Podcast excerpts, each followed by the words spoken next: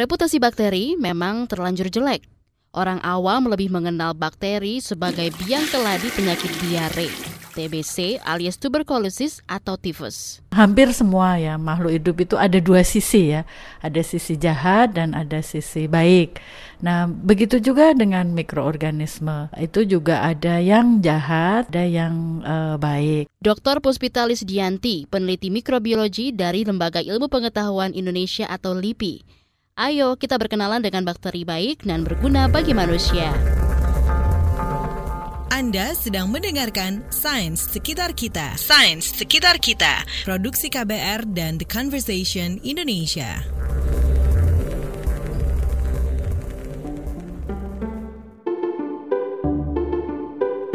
Bakteri, tanpa bantuan mikroskop, jangan harap kamu bisa lihat wujudnya. Kecil-kecil begini, bakteri itu makhluk super kuat karena bisa hidup di kondisi paling ekstrim. Dia juga makhluk yang kompleks. Sebagian bikin manusia sakit, sebagian lainnya justru bikin kita sehat.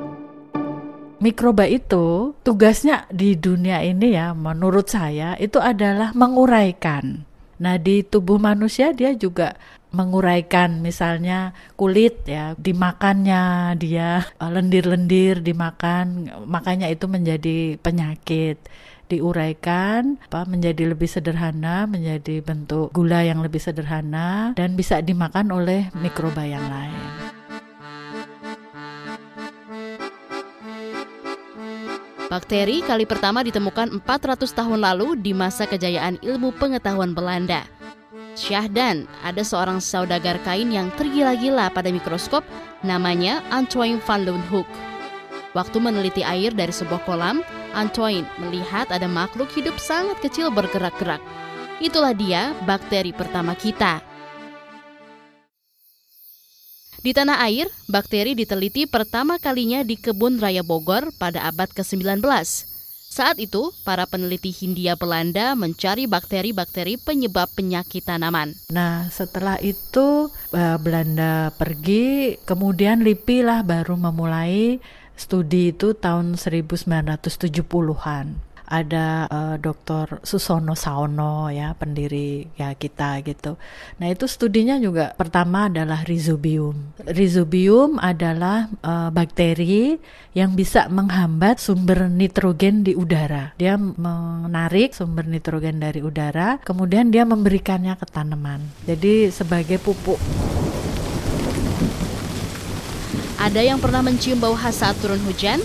Kata dokter Puspita, bau itu berasal dari bakteri yang namanya Actinomycetes. Nah, dalam 15 tahun terakhir, ilmuwan LIPI seperti dokter Puspita bekerja keras mencari segunung manfaat bakteri ini buat umat manusia. Kemudian dari Actinomycetes itu ditemukan enzimnya. Enzimnya ini diaplikasikan di umbi dahlia. Uh, umbi dahlia itu tidak hanya untuk bunga, tapi juga untuk apa sumber gula, sumber karbohidrat bagi manusia, ternyata dia uh, apa efektif untuk menyerap uh, kalsium. Jadi untuk obat osteoporosis. Actinomycetes juga sekutu baik manusia dalam perang melawan bakteri jahat. Misalnya, bakteri penyebab penyakit infeksi paru-paru bronkitis dan radang selaput otak meningitis Gara-gara itu, ilmuwan mulai gantikan bahan sintesis dengan bakteri dalam mengembangkan obat. Soalnya, sifat mereka yang beragam, kompleks, dan sangat stabil. Dari koleksi itu ya, 10 ribu koleksi Actinomycetes, kita screening apakah dia menghasilkan antibiotik untuk membunuh mikroba patogen seperti uh, Staphylococcus aureus yang menyebabkan infeksi pada tubuh manusia. Ada lagi bakteri sahabat bapak ibu petani dan industri makanan. Namanya asam laktat dan asetat. Di Eropa, duet bakteri ini dipakai untuk membuat cuka. Di sini bisa dibuat masker dan minuman magnus dari fermentasi kelapa nata de coco. Nyam nyam nyam. Buah coklat kan e, di dalamnya ada biji-biji ya putih gitu kan. Nah itu kita fermentasi dengan ragi, dengan bakteri asam laktat, dengan bakteri asam asetat. Kita apa fermentasi bijinya itu nanti bijinya jadi biji coklat yang kualitasnya premium. Nah, selama ini petani coklat itu tidak menyangka bahwa bijinya itu bisa jadi uh, makanan coklat kesukaan kita. Kerja Dr. Puspita nggak berhenti sampai di sana. Dia dan ilmuwan-ilmuwan lain sedang mendalami potensi manfaat bakteri yang berasal dari tubuh hewan.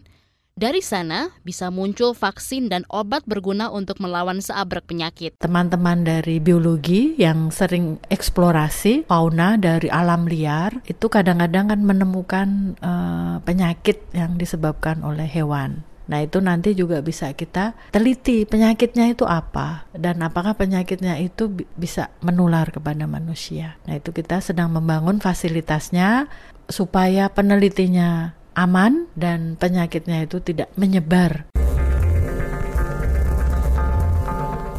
Sains sekitar kita. Sains sekitar kita. Produksi KBR dan The Conversation Indonesia.